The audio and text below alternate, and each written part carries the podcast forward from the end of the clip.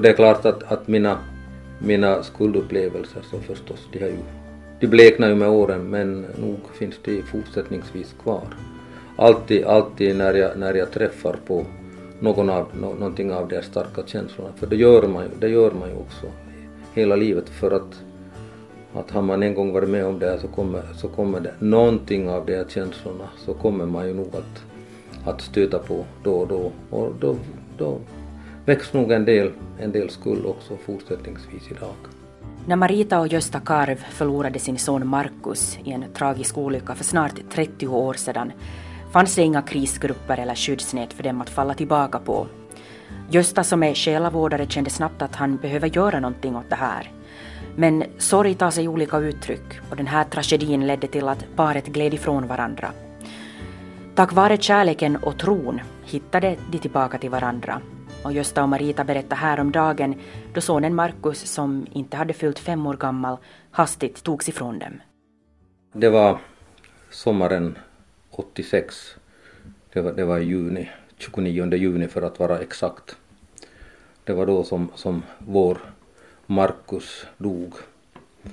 Och han dog i en, en händelse som var, kan man nog säga, alldeles oförutsägbar. Vår bil fanns på, på, på gården, stod parkerad på gården. Vi hade varit ute och kört på förmiddagen och, och kom hem.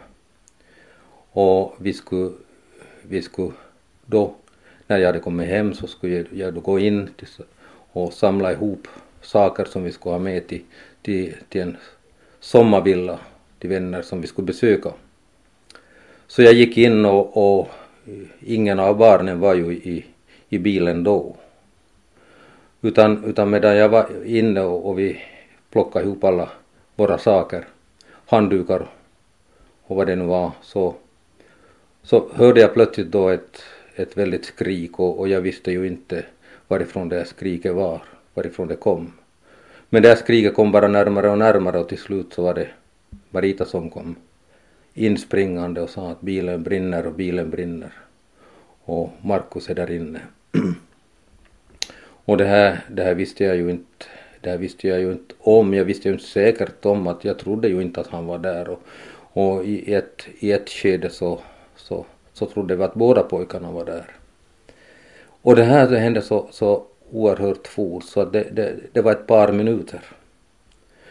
Och, och bilen brann och, och jag försökte ju öppna de här dörrarna. Vi försökte göra allt vad vi kunde för att överhuvudtaget få en syn på om någon fanns där inne. För vi visste ju inte heller, heller om, om, om en pojke var där eller om båda var där eller om överhuvudtaget någon var där.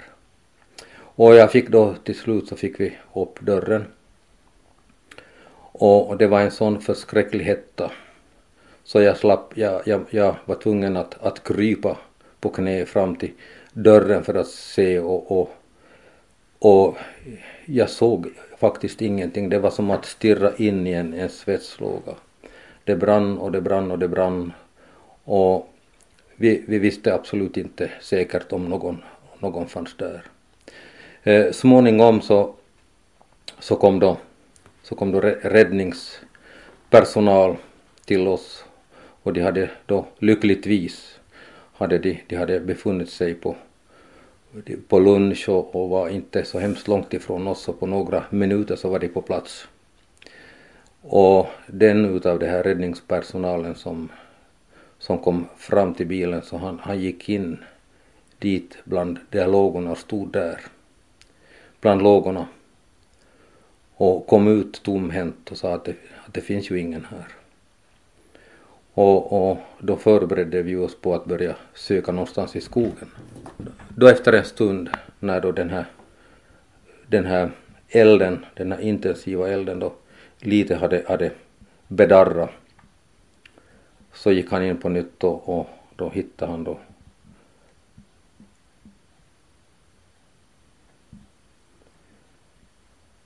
Markus på, på, på hatthyllan på bi, i bilen. Och det här, det här, det här det var ju en, en sak som, som kom att förändra liksom vårt liv på många sätt. för, rest, för resten av, av, av, av livet. För då efter det här så började, så började ett, ett nytt liv som nog blev fylld av enorma, enorma problem. Marita, vad minns du av den här dagen? Um, Eh, jag minns bara att det var en varm dag som eh, vi såg fram emot att vi skulle åka ut till den här villan. Och barnen skulle simma. Och sen minns jag att det var ju jag som sände dem ut i bilen med, med simkläder och leksaker som de ville ha med. Eh, så det har jag ju känt förstås en enorm skuld över. Det minns jag. Sen har jag bort väldigt mycket. Och jag minns eh, den här räddningspersonalen som var här. Men jag såg den bara som gråa skuggor utan huvud. Det var folk som gick men de hade inte något huvud. Så jag, jag förstår ju att jag var väldigt chockad och bort, bort på det viset. Eh, det minns jag. Och jag minns, minns också att det var eh, då vi kom till akuten, för de förde oss dit. Det minns jag bara det här tomma, kalla, hårda. Och, och vi satt ensamma i ett rum och, och jag, jag minns liksom den här att vi var så... Vi visste ingenting. Jag förstod ingenting vad som hade hänt egentligen. Och sen minns jag vi kom hem igen så kommer jag ihåg att det kom en massa människor hit. Eh, det tyckte jag, fast jag senare först, jag förstår att alla ville väl, men det var väldigt jobbigt. Dels behövde vi ju ha folk runt oss men, men det var väldigt få som... Alltså, jag var ju i min egen värld så det minns jag att var jobbigt. Det är nog ungefär det jag minns och sen den här vår äldre son. Jag minns också hans smärta, hur, hur det var. Ja, ja, jag kommer också ihåg den här, den här, den här händelsen, den här situationen på, på hälsovårdscentralen. Och, och det här var ju faktiskt, det var ju en, en väldigt, väldigt traumatisk situation så jag förstår ju också att, att eh, den personal som då var, då var där så hade svårt att hantera det. Och nu liksom med, med så här många år efteråt och, så förstår jag ju deras reaktion. Men då när det var aktuellt och vi tyckte att vi borde ha fått någon, någon faktiskt något stöd så då, då fick vi ju det, det, inte. Utan den här läkaren till exempel så han, han, han det var precis som om han inte skulle ha, ha sett Marita heller. Utan, utan eh, du, Marita satt tillsammans med vår äldre son satt på en stol utanför vid, vid mottagningen i väntrummet och, och när, stund, när, när, när han då kom ut från sitt läkarutrymme så då, då var det mig han tog in men, eh, men Marita lämnades ensam och det här tyckte jag nog var väldigt, väldigt stötande. Och han försökte ju då skriva ut en massa, en mängd olika preparat som jag då vände mig genast emot för jag visste ju, jag visste ju hur det här, att, att sorg inte ska bearbetas med, med lugnande preparat och sömnmediciner. Så att vi, vi höll på och, och, och argumenterade, med, argumenterade med varandra en stund och så till slut så, så gav jag nog upp och, och tänkte att nåja okej vi tar väl det här men, men vi behöver ju inte ta det. Och, och så på, det, på den vägen blev det, blev det och, och vi, vi for därifrån och, och sen så, så skulle då livet börja efter det här. Räddningspersonal och vårdpersonal, ni pratar här redan om den här läkaren som, som behandlar er på det här sättet. Hur tycker ni att ni blev bemötta som sådär överlag? Visste man hur man skulle möta er? Nej, egentligen inte. Och det fanns ju inte den här krisgruppen då ännu som senare kom. Så det fanns inte. Räddningspersonalen, de, de var ju annorlunda. Så jag vet att du, Gösta, var och pratade med dem. Och de var väldigt tillmötesgående. Och vi har ju sen också blivit eh, rent av god vän med, med han som lyfte Markus ur bilen. Och det tycker jag är bra. Så jag tycker räddningspersonalen har vi ingenting ont att säga om. Och vårdpersonalen var hjälplös. Det ser vi ju idag. Att idag tror jag nog att de har en helt annan skolning att möta människor som råkar ut för sånt som vi gjorde. Hoppas jag i alla fall. Jag bad att få träffa det här eh, räddningspersonalen och vi, vi träffades faktiskt alla. Jag tror nästan alla var med som det var med när det här hände. Och jag måste nog säga att det, det var en väldigt bra situation. Det var en, en ska vi säga, en, en debriefing situation.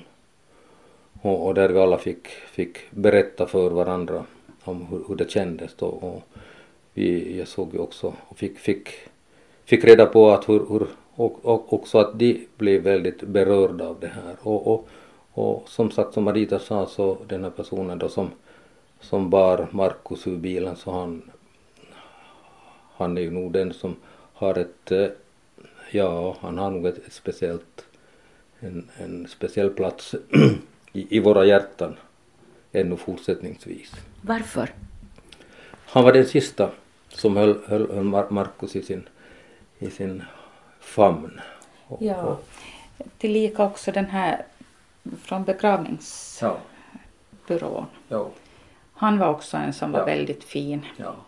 och mötte oss på ett väldigt bra sätt. Så han, han är också en som man minns med stor värme. Ja. han kunde hantera situationen. Ja. Och han förstod att vi absolut inte hade fattat vad som hade hänt. Så hela hans sätt att prata med oss så, så det lyste igenom att han, han förstod på vilken nivå vi befann oss och han, han kunde bemöta oss rätt. Mm. Så det minns jag med värme faktiskt.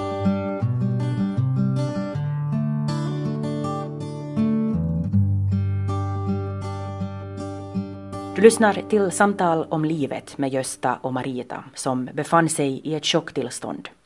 Det gjorde Markus storebror också. Även om det var becksvart gjorde familjen sitt bästa för att hålla samman. Ja, det, ju, det har ju gått många år sedan och, och, och det, vissa saker så, så försvinner ju och vissa saker finns ju kvar. Men nu ser jag ju framför mig den här, det här lilla barnet, vår lilla kära son med, med, med all den smärta som han hade. Och, och nog, nog eh, tog vi ju honom, om hand honom nog och, och, och höll, höll vi honom vid, vid, vid, vid vår sida. Och, och, men man ska, man ska ju veta det att, att på något sätt så hade vi ju varandra, Marita och jag.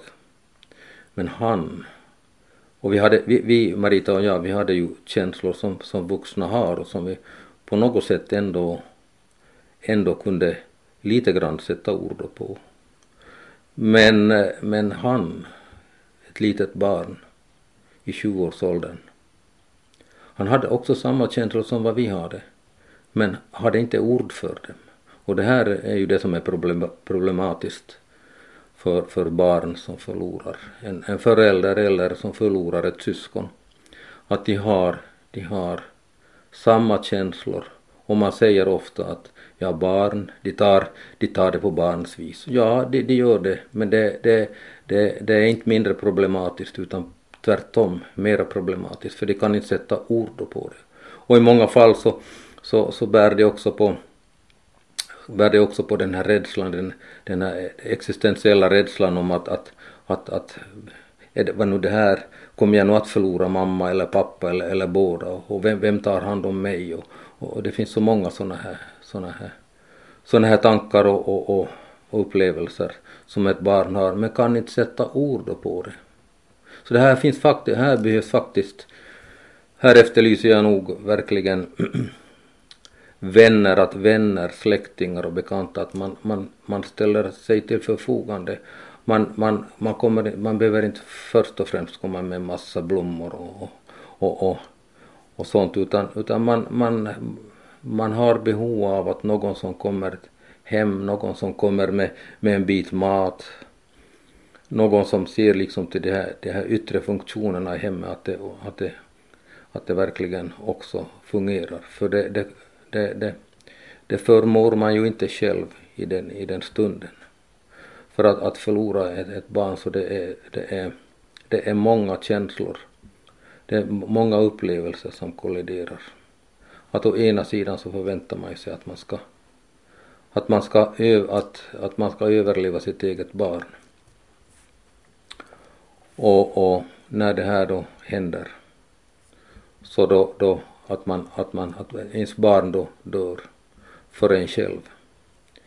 Ja, då, då åker nog liksom alla, alla föreställningar så, så liksom så, så förlorar man ju nog liksom, man, man, man, om man, om man, man kan nog säga att man nästan på något sätt det är som om hårdskivan skulle, skulle formateras och, och man står där liksom naken inför, inför alla de upplevelser och, och förnimmelser. För man ska ju också veta det att det är ju inte bara det, det är ju inte bara de här känslorna utan det, är, det, det drabbar också liksom eh, våra sinnen.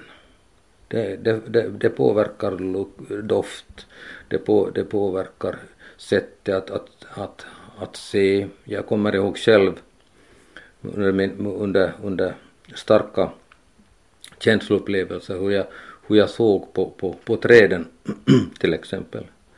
Jag såg, jag såg, jag såg de här löven på träden som en kontur men jag såg inte det, det, den här gröna, gröna färgen utan, utan det var som konturlösa, eller det var konturerna men, men innehållet var borta. Och jag förstod ju och jag visste ju att det här, det här, det här är ingenting som jag behöver vara rädd för men, men i alla fall så, kan man, så bör man så kan, bör man känna till att, att det här kan vara en, en sörjande människas upplevelser. Och det här är ju bara ett exempel, men det finns ju många andra exempel på hur man kan reagera.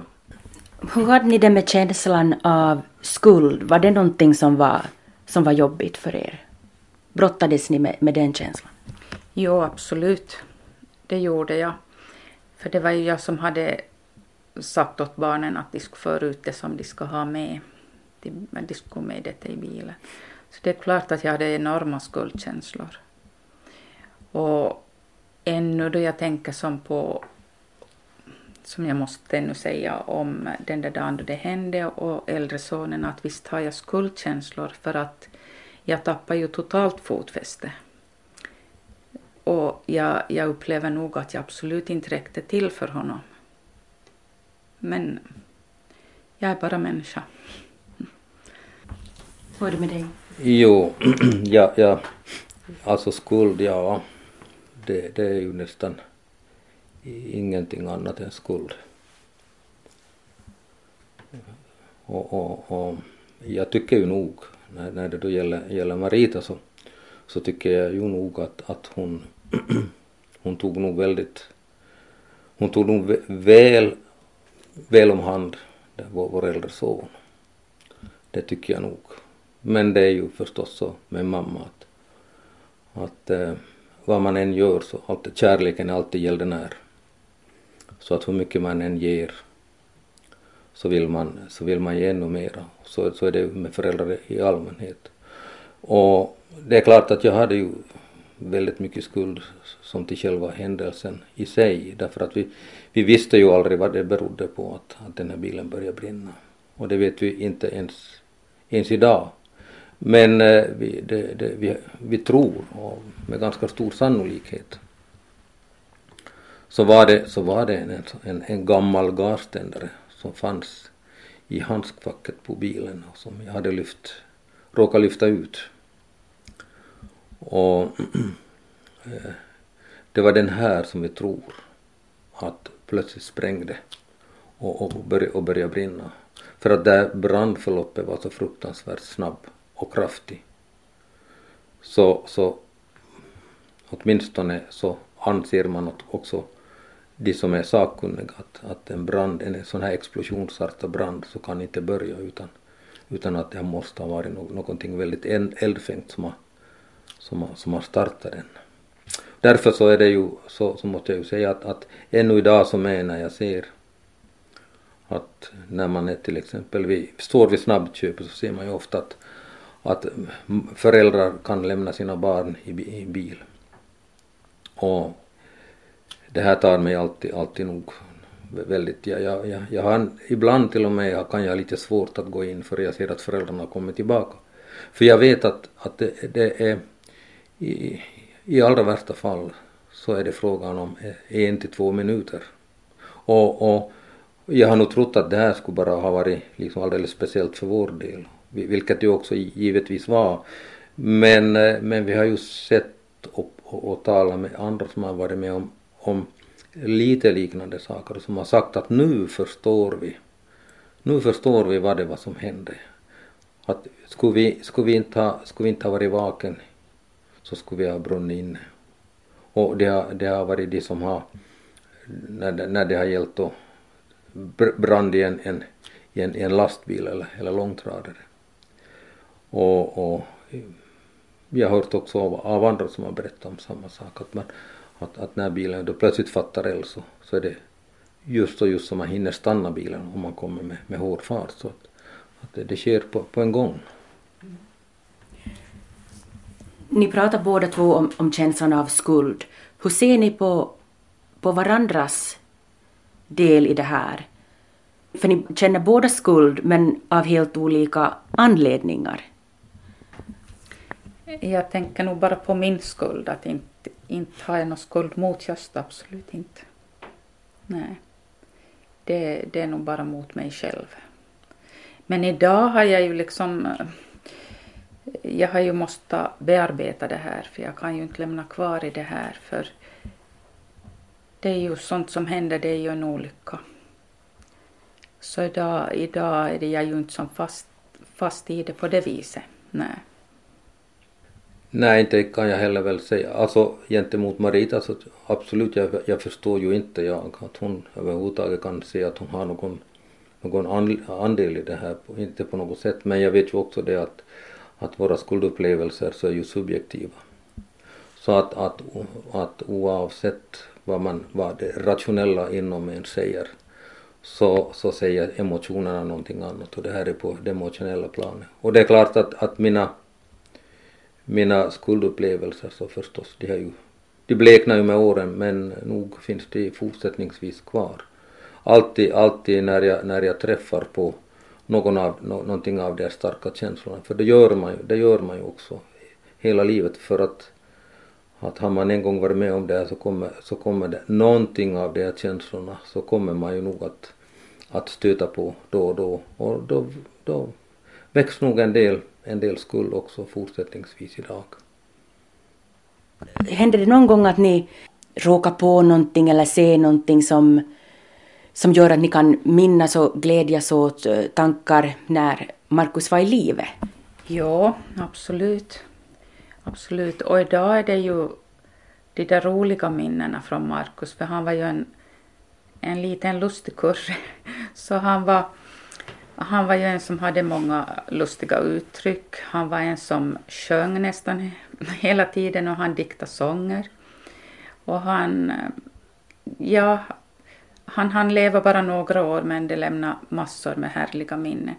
Och idag är det ju nog de som är kvar och som är de där som står främst, det är inte olyckan utan det, det är den här glädjen över att vi i alla fall fick ha honom för, för jag skulle aldrig i mitt liv vilja vara utan det. Så de roliga minnena är de som jag har nu. Och, och det, jag tycker om att berätta för, speciellt för den yngsta pojken vår, om de här roliga, för det är ju han som är aldrig han lära känna Markus. Men jag vill att han ska veta det där som Markus gjorde och sa. Mm. Så det är det som är kvar för mig nu. Mm. Och det är jag tacksam för. Jo, efteråt så, så var det ju nog så att, att, att väldigt mycket av det som, som Markus gjorde och, och som Markus sa så, så liksom kom till oss på ett helt annat sätt och då, det, var, det var precis som om det skulle ha varit någonting en sorts, vad ska man kalla det, någon form utav, utav för, profetiskt över det han sa. För eh, kvällen innan han, han dog, alltså dagen innan han dog, så hade vi varit på en, på en födelsedagsbjudning.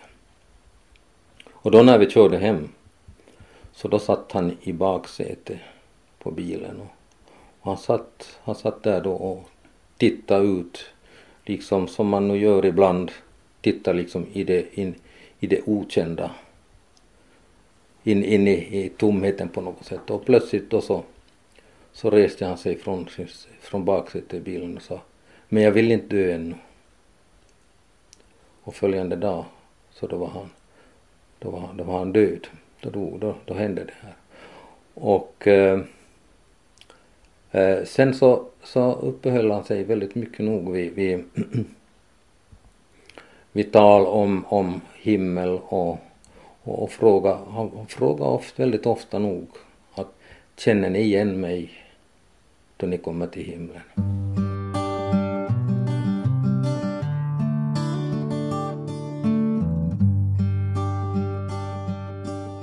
Makarna Karv hade mycket olika sätt att bearbeta sin sorg på, till den grad att den förde paret ifrån varandra mera och mera, och ingen hjälp fanns att få. Då beslöt sig Gösta att göra något åt saken ja, jag, jag var väl kanske ganska rationell och, och jag på något sätt så, så tyckte jag nog att jag ville ha ja, ja, jag såg liksom på där hur, hur jag såg hur Marita led och jag såg jag led själv och, och, och det här ville jag det här ville jag jobba med på något sätt och, och det som vi hade då fått uppleva så ville jag liksom ha någon form av återupprättelse för. Och det här gjorde nog då att jag, att jag begärde då att få, få tala med, med chefsläkaren på, på hälsovårdscentralen. Och, så vi hade ett, ett väldigt gott, jag, jag gick ju till honom med full av vrede och, och tänkte att bara jag, bara jag kommer in till honom så ska han nog få höra. Men han, han, han tog nog det här väldigt bra. Så att, att jag hann inte ens sätta mig ner heller för, för, för den vreden rann av mig och vi fick en väldigt konstruktiv diskussion och, och han, vi var helt båda eniga om vad, vad, vad krishantering, vad det innebär och, och vad det borde innebära och, och, vad, vi, vad, vad, som hade, vad vi hade gått miste om. Och då, då blev det på det sättet att han, han, han lovade att han för sin del så ska verka för att de ska få till stånd en krisgrupp här på orten. Och så börjar vi också själva med att med, med arbeta med, med sorgterapier i grupp och, och det jobbade vi med under, under må, många år, hade, hade egna grupper plus det att vi också haft arrangerat och hållit, hållit, hållit kurser i Vasa i, i, i eh, kristerapi och, och, och själavård tillsammans då med, med en en person då från, ja det var ju många, det var ganska många som vi hade kallat. Men bland annat eh, eh, Stig Jonsson var, var ju en, en av dem och, och flera därtill. Så det här pågick ju i, i flera, flera år. Och småningom så blev det ju också så att, att det blev ju en, en, en krisgrupp. Och, och småningom så har ju det här då spritt sig till, till hela vårt land så idag har, finns det ju krisgrupper i, i varje kommun. Så att det här, det här är vi ju förstås väldigt, väldigt nöjda över. Ifall om ni minns tillbaka och, och det här och tänker på de där situationerna där ni blev att sakna någonting. När var det som ni kände er att, att här så, här blev jag nog inte behandlad rätt? Ja, det, fanns ju, det kom ju ganska snabbt det här uh, osynliga kravet att man skulle bli som förr. Det tyckte jag var jobbigt för man blir ju aldrig som man var förr. Att, uh, det var ju redan innan jag hade fattat att Markus faktiskt är borta, han kommer aldrig tillbaks, så fick jag nog känna på det där att jag, skulle, jag borde bli som förr. det, det var inte en svår sak. Och det var alltså människor som stod dig nära? Ja, det var människor som stod mig nära, ja. Och jag förstår ju att jag måste ju ha varit väldigt jobbig. Svår att förstå sig på. För jag grät ju ofta och jag, jag var fast i min egen sorg. Så, ja, det, det tyckte jag inte var något roligt. Och, och det tog ju också ganska lång stund, eller många, många, det blev ju nästan år, före jag lärde mig att jag har rätt till mina känslor. Jag har rätt att gå till graven precis så ofta jag vill. Och det är ju någonting som man inte ska vara rädd för, för småningom så slutar man, eller inte slutar gå, men det blir normalt sätt att be, besöka graven. Folk säger ju att man orkar med allting efter en sån där händelse, men det gör man ju inte. Det är en myt. Det ska ingen tro. Man är sargad för resten av livet.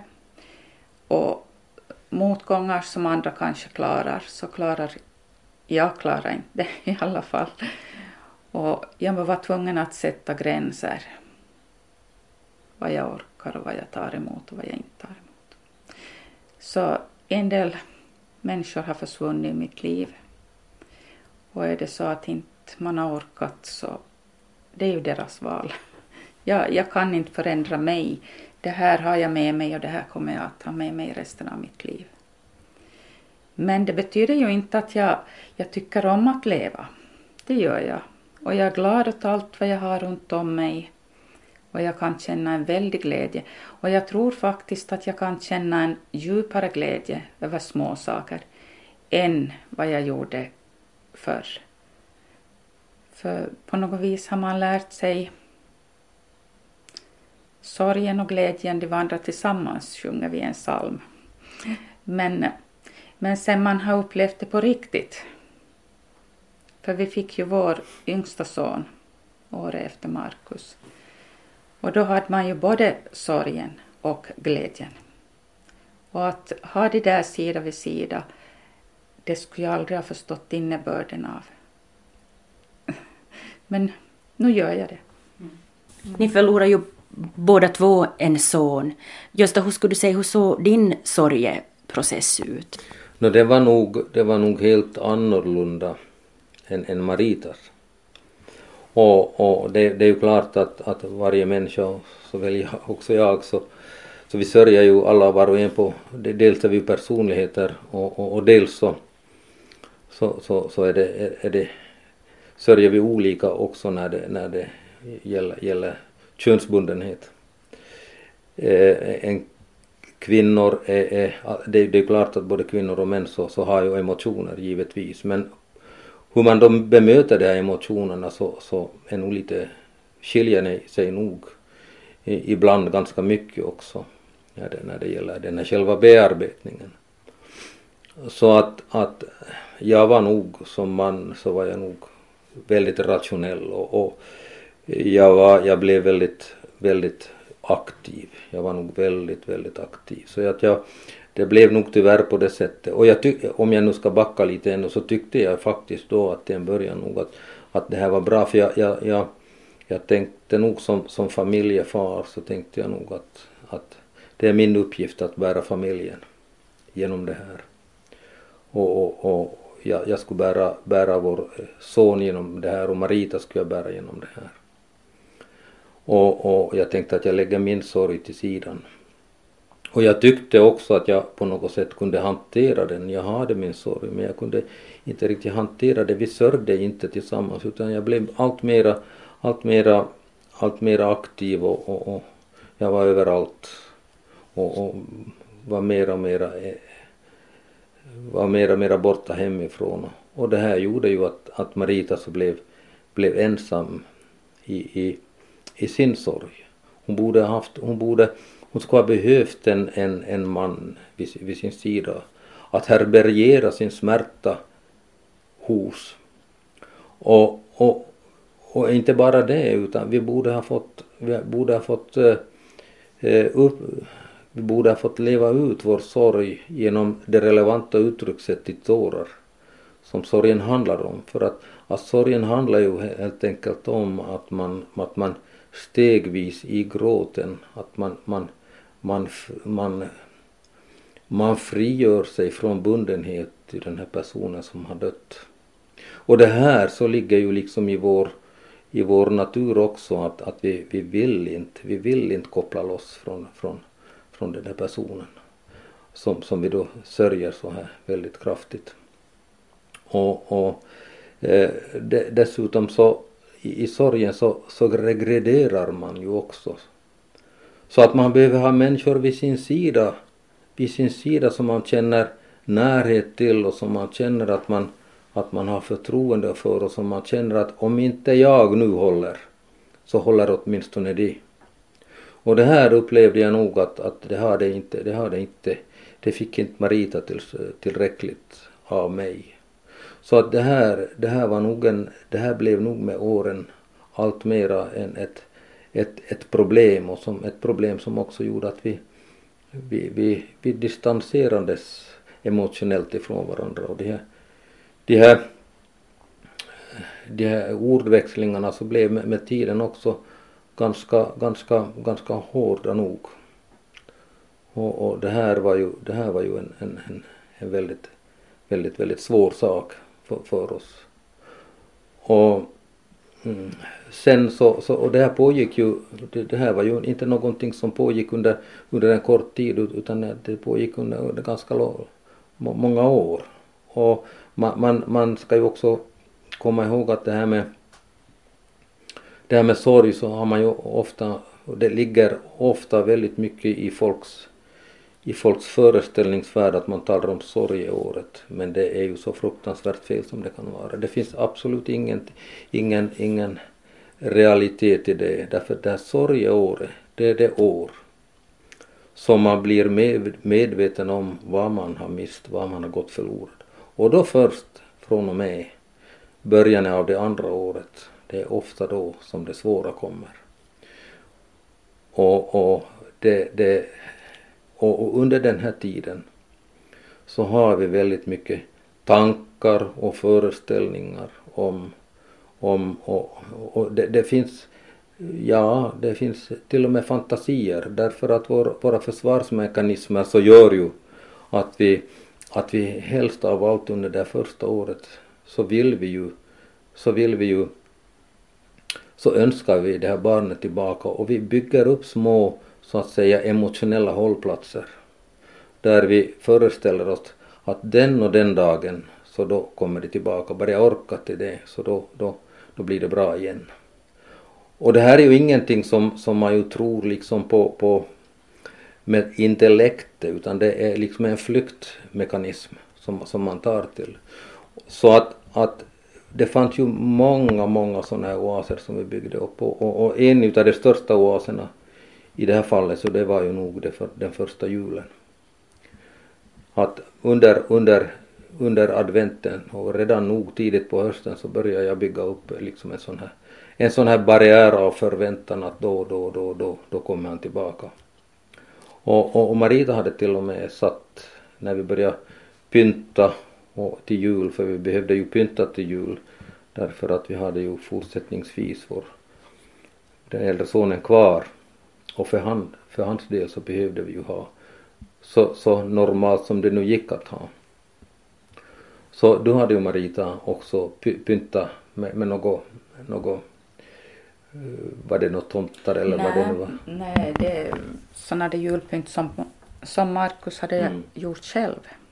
Det hängde jag så att han skulle se det genast han kom in. Mm. Så jag trodde mm. på fullt allvar att till julen kommer han. Och då, och då så var det för mig också. Och det här var ingenting som vi hade gått och, och berättat om för varandra utan det här liksom var det no, no, någonting som vi har gått i vårt stilla sinne och, och, och, och, och planerat och tänkt, tänkt på. Men, men min förväntan så den, den stegrades nog så kraftigt. Så att dagen före julafton då fick jag feber och över 40 grader. Och jag var sjuk på, på julafton. Och då julafton var över, då försvann febern med en gång.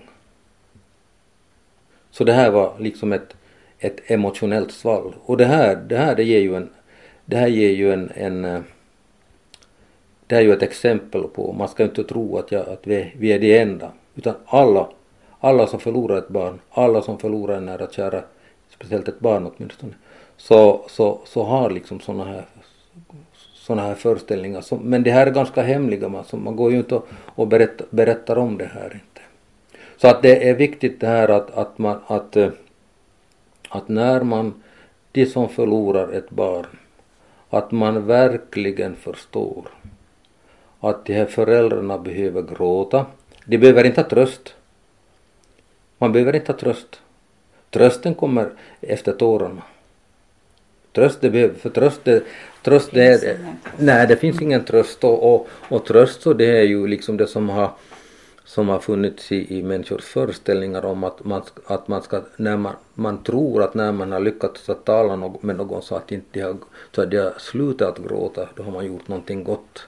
Men egentligen har man, han, så har man nog gjort någonting väldigt illa då. Om man lyckas att tala med föräldrar som har förlorat barn och som är i djup sorg så att de börjar gråta, ja då ska man verkligen knäppa sina händer och, och vara tacksam över att det här, det här, det här nu, nu, nu har man lyckats hjälpa dem liksom till att, att få, få, få igång sina känslor. För det är ingenting annat än, så, än, än gråten, den, det relevanta uttrycket som ger hjälp. Och också, också ilskan. Ilskan fick också med där därför att man har ju förlorat det barnet. och, och det här ligger ju också väldigt förbjudet bland många, många också att erkänna att jag är egentligen sist och slutligen är jag arg för att den här, det här barnet har försvunnit ifrån mig, det har lämnat mig. Så att det finns liksom en sån här irrationell sida inom oss som, som, också, som också måste få flöda. Marita, hur kändes det för dig när Markus inte kom hem den julen? Vad, vad var det för tankar som fanns inuti dig då? No, alltså det var ju en enorm smärta och sorg. Men det var, det var egentligen eh, Gösta låg sjuk på julafton och, och vår äldre son var sjuk. Och, så jag var ensam på julafton. Och jag minns att jag satt och byggde, vår son hade fått en legoborg. Jag satt och byggde den där på julafton åt honom.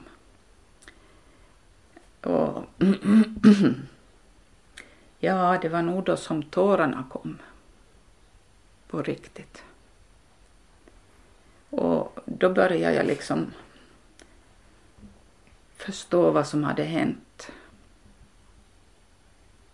Och det var väl nog då som jag började liksom vandringen framåt utan honom. När det blev, ert förhållande eh, blev sämre och ni distanserade er från varandra. Funderar ni någon gång på att bryta upp och gå skilda vägar?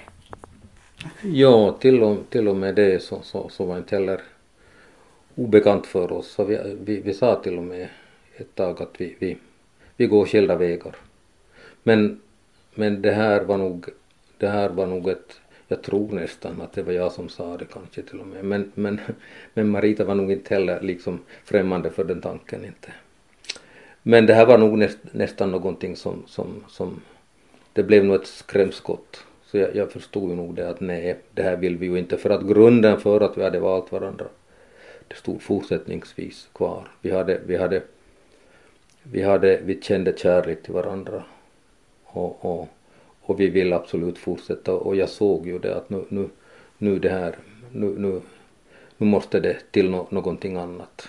Och jag förstod också det att att, att, eh, att det var en inkapslad sorg för, för min del som det handlade om. Vad tror ni att var den, var den största orsaken till att ni kunde, att ni kunde liksom fortsätta trots den här tragiska händelsen och, och all, all sorg som ni kände? För mig så, så var det nog så var det nog liksom jag brukar säga att ibland så, så behövs det nog en, en, en utlösande faktor. Och, och den utlösande faktorn behöver ju inte vara liksom inkapslad i, i, i, i no, no, någonting, no, någonting som tar lång tid utan för, för min del så var det bara, bara några, några sekunder som, som, som, som, så var den utlösande faktorn som var den, den droppen som fick bägaren att rinna över.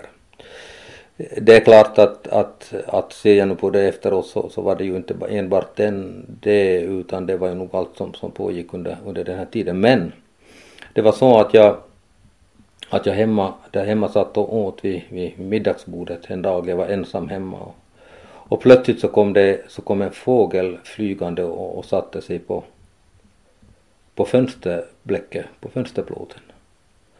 Och, och han satte sig där framför mig och, och, och, och tittade på mig och, och tittade liksom, och han svängde på huvudet och han det var ungefär som, som, man, som, man, som en hund brukar göra när, man, när, man, när de hör ett högt ljud. Och, och, och jag gick liksom närmare, jag tyckte att det där var så så lustigt ut så jag gick närmare på eh, närmare rutan gick, och, och, men fågeln var fortsättnings kvar, fortsättningsvis kvar. Och jag gick närmare och närmare och närmare och till sist så hade jag näsan fast i, i, i rutan. Och det enda som skilde oss åt så var, var tre fönsterrutor. Och och han tittade mig i ögonen och jag tittade honom i ögonen och han försvann inte och då tyckte jag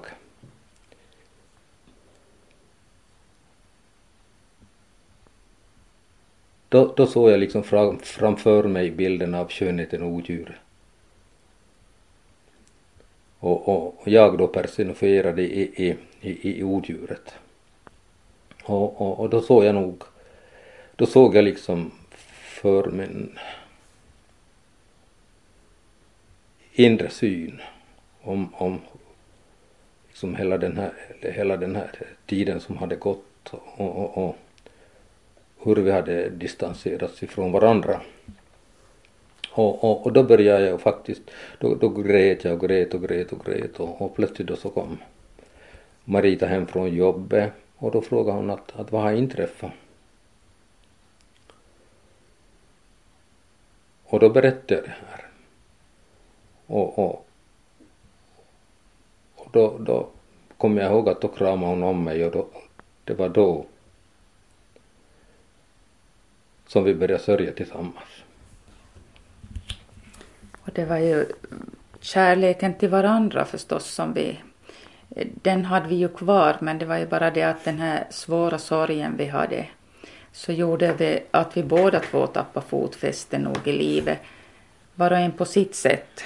Och man orkar inte med sig själv och då orkar man ju inte med någon annan heller.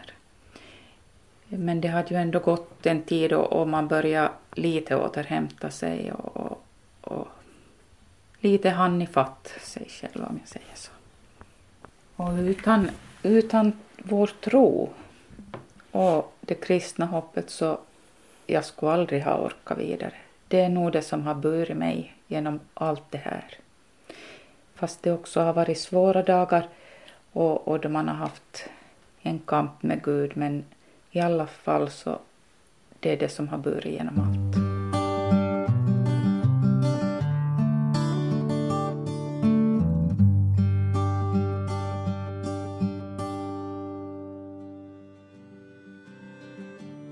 I det här programmet så har du lyssnat på Gösta och Marita Karv. Jag heter Kati Enqvist och glöm inte att du kan lyssna på programmet även på arenan.yle.fi.